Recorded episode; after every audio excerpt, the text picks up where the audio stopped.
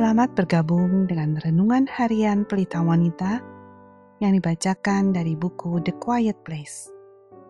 Pembacaan Alkitab hari ini diambil dari 2 Korintus 12, ayat yang pertama sampai 10. Aku harus bermegah, sekalipun memang hal itu tidak ada faedahnya.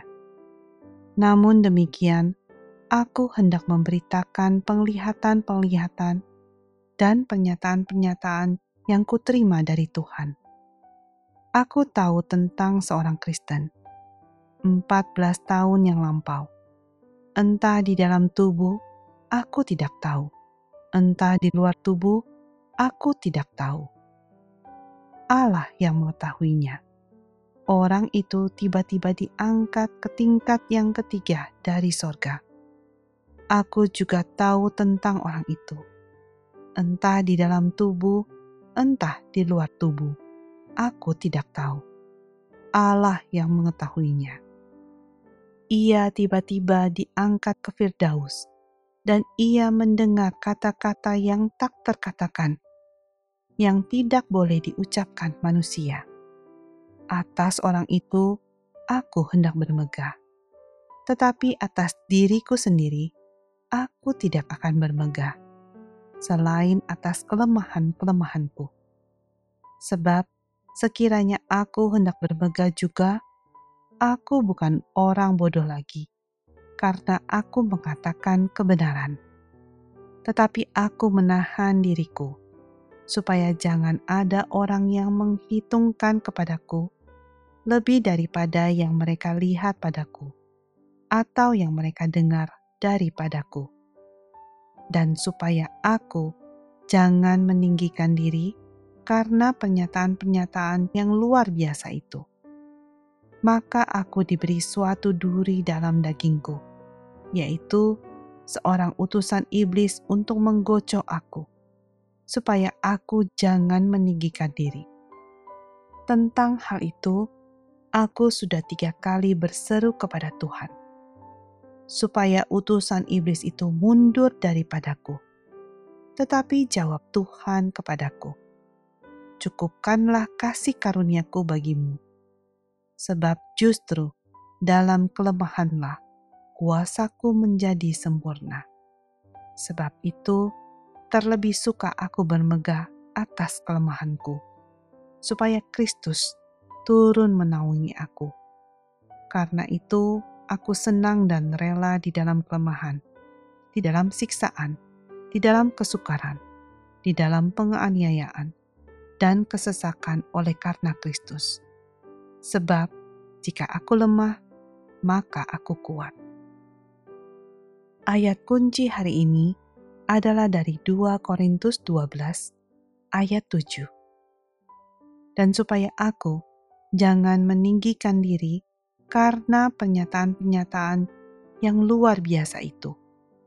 Maka aku diberi suatu duri di dalam dagingku, yaitu seorang utusan iblis untuk menggocok aku, supaya aku jangan meninggikan diri.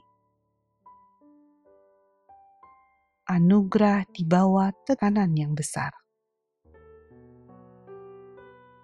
Pernahkah Anda bertanya-tanya, seperti apakah hidup ini jika Anda tidak dibebani dengan satu pun godaan atau kelemahan itu? Kita semua pernah mendengar cerita tentang orang-orang yang bergumul dengan kecanduan yang mengerikan selama bertahun-tahun, tetapi suatu hari mendapati keinginan itu hilang dari mulut mereka. Bukan saja dibebaskan dari cengkeramannya, tapi juga tidak lagi tertarik kepadanya. Oh, apa yang membuat kita tidak rela untuk diberikan kepada Tuhan, supaya kita dibebaskan dengan pasti dan dramatis dari dosa yang senantiasa mengejar kita. Walaupun sudah pasti Allah bisa melakukan hal tersebut, dan kadang Dia melakukannya di sebagian besar hidup kita tetapi saya tidak yakin cara ini akan menjadi berkat besar seperti yang kita pikir. Pertimbangkan apa yang mungkin terjadi jika Allah memberikan kepada kita tiba-tiba kebebasan dari dosa-dosa tertentu secara permanen. Bukankah kita cenderung akan menganggap kita bisa berdiri sendiri, menjadi tidak terlalu tergantung kepada anugerahnya dalam hari-hari yang kita jalani? Apakah kita kemudian berpikir bahwa kita akhirnya berhasil memecahkan masalah ini hanya dengan usaha dan kemauan kerja keras kita? Apakah kita akan menjadi sombong, meninggikan diri karena kita telah menaklukkan sesuatu yang menakutkan yang telah kita perangi sepanjang yang kita ingat?